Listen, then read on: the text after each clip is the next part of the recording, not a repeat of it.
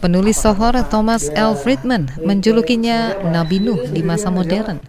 Temuannya mengenai hibridisasi spesies di Sulawesi membetot perhatian dunia. Kerajaan Belanda memberikan penghargaan Officer of the Most Excellent Order of Golden Ark. Sementara di dalam negeri, dia diganjar penghargaan prestisius Habibie Award. Begawan Biologi Konservasi dan Naturalis terbaik yang dimiliki Indonesia, Yatna Supriyatna. Anda sedang mendengarkan Sains Sekitar Kita. Sains Sekitar Kita. Produksi KBR dan The Conversation Indonesia.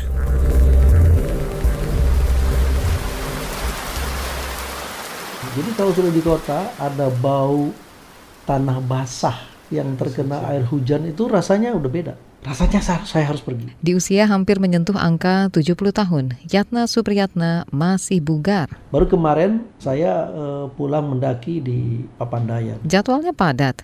Habis mendaki Papandayan pada awal tahun 2018, dua pekan berikutnya dia ke Gunung Tambora. Buat Yatna, tempat terbaik seorang naturalis seperti dirinya adalah di alam. Alamlah kunci buat para ilmuwan Nusantara bersaing dan bermanfaat buat umat manusia. Memang mau tidak mau, kita yang mempunyai keanekaragaman hayati terbanyak di dunia, kita harus eksplor, kita harus ke lapangan. Tidak bisa di laboratorium saja. Karena kalau di laboratorium kan negara-negara lain lebih canggih. Kecintaan pada alam, hutan, dan makhluk penghuninya telah dipupuk anak tentara ini sedari kecil. Penulis 15 buku dan lebih dari 100 paper ini kebetulan tumbuh di Banjar, Ciamis, Jawa Barat.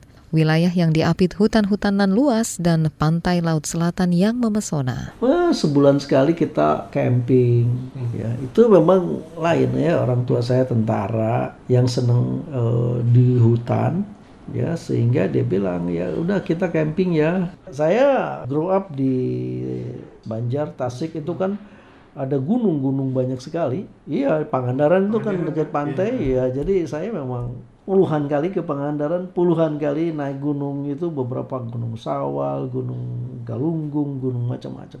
Yatna Supriyatna meneruskan sekolahnya di Fakultas Biologi Universitas Nasional, lalu jadi asisten ahli di Lembaga Biologi Nasional LIPI. Pada 1986 meraih gelar master dari University of New Mexico, Albuquerque, Amerika Serikat dengan gelar PhD dalam bidang Biological Anthropology pada 1991 sebuah ekspedisi sekolah yang lengkap. Ekspedisi favorit saya itu Sulawesi. Tidak tahu bagaimana ya kalau Sulawesi itu saya merasa karena mungkin dua tahun saya uh, bersafari di Sulawesi dengan mobil Land Rover, dua mobil Land Rover dengan mahasiswa. Saya kelalang keliling dua tahun penuh. Kadang-kadang ya tiga bulan sekali saya pulang ke Jakarta, tapi naik lagi ke sana lagi.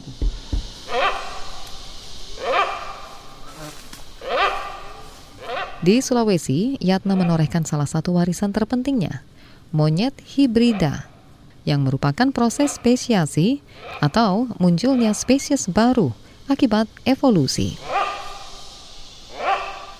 Alkisah sekelompok beruk dari Kalimantan hijrah ke Sulawesi yang jaraknya kurang dari 50 km. Perubahan alam berupa munculnya danau besar membuat kelompok ini terpisah.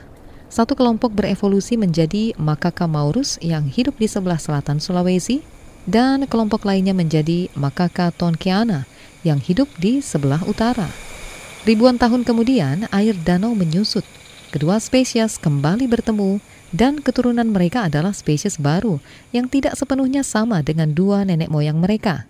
Inilah monyet hibrida itu.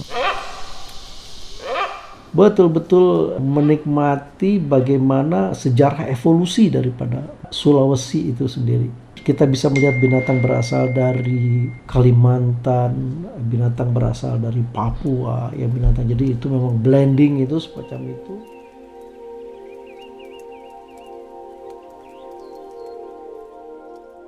Teori Jatna ini memperkokoh apa yang telah dirintis Darwin, juga naturalis sohor asal Inggris yang berkelana di Nusantara, Alfred Russel Wallace.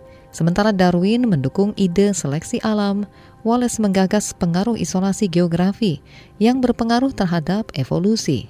Dua mekanisme ini menjadi landasan umum yang tetap dipakai para biolog hingga sekarang dalam menjelaskan spesiasi. Yatna juga menemukan Tarsius di Pulau Siau dan jenis beruk di Pulau Togian yang dinamakan Macaca togianus.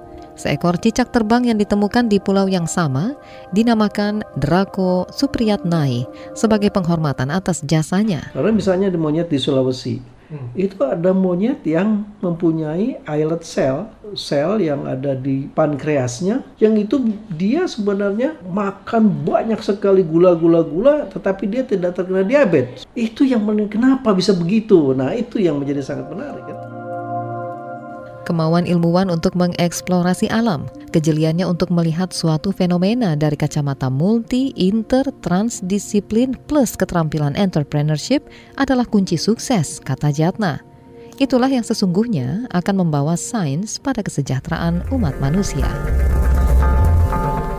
Sains sekitar kita, sains sekitar kita. Produksi KBR dan The Conversation Indonesia.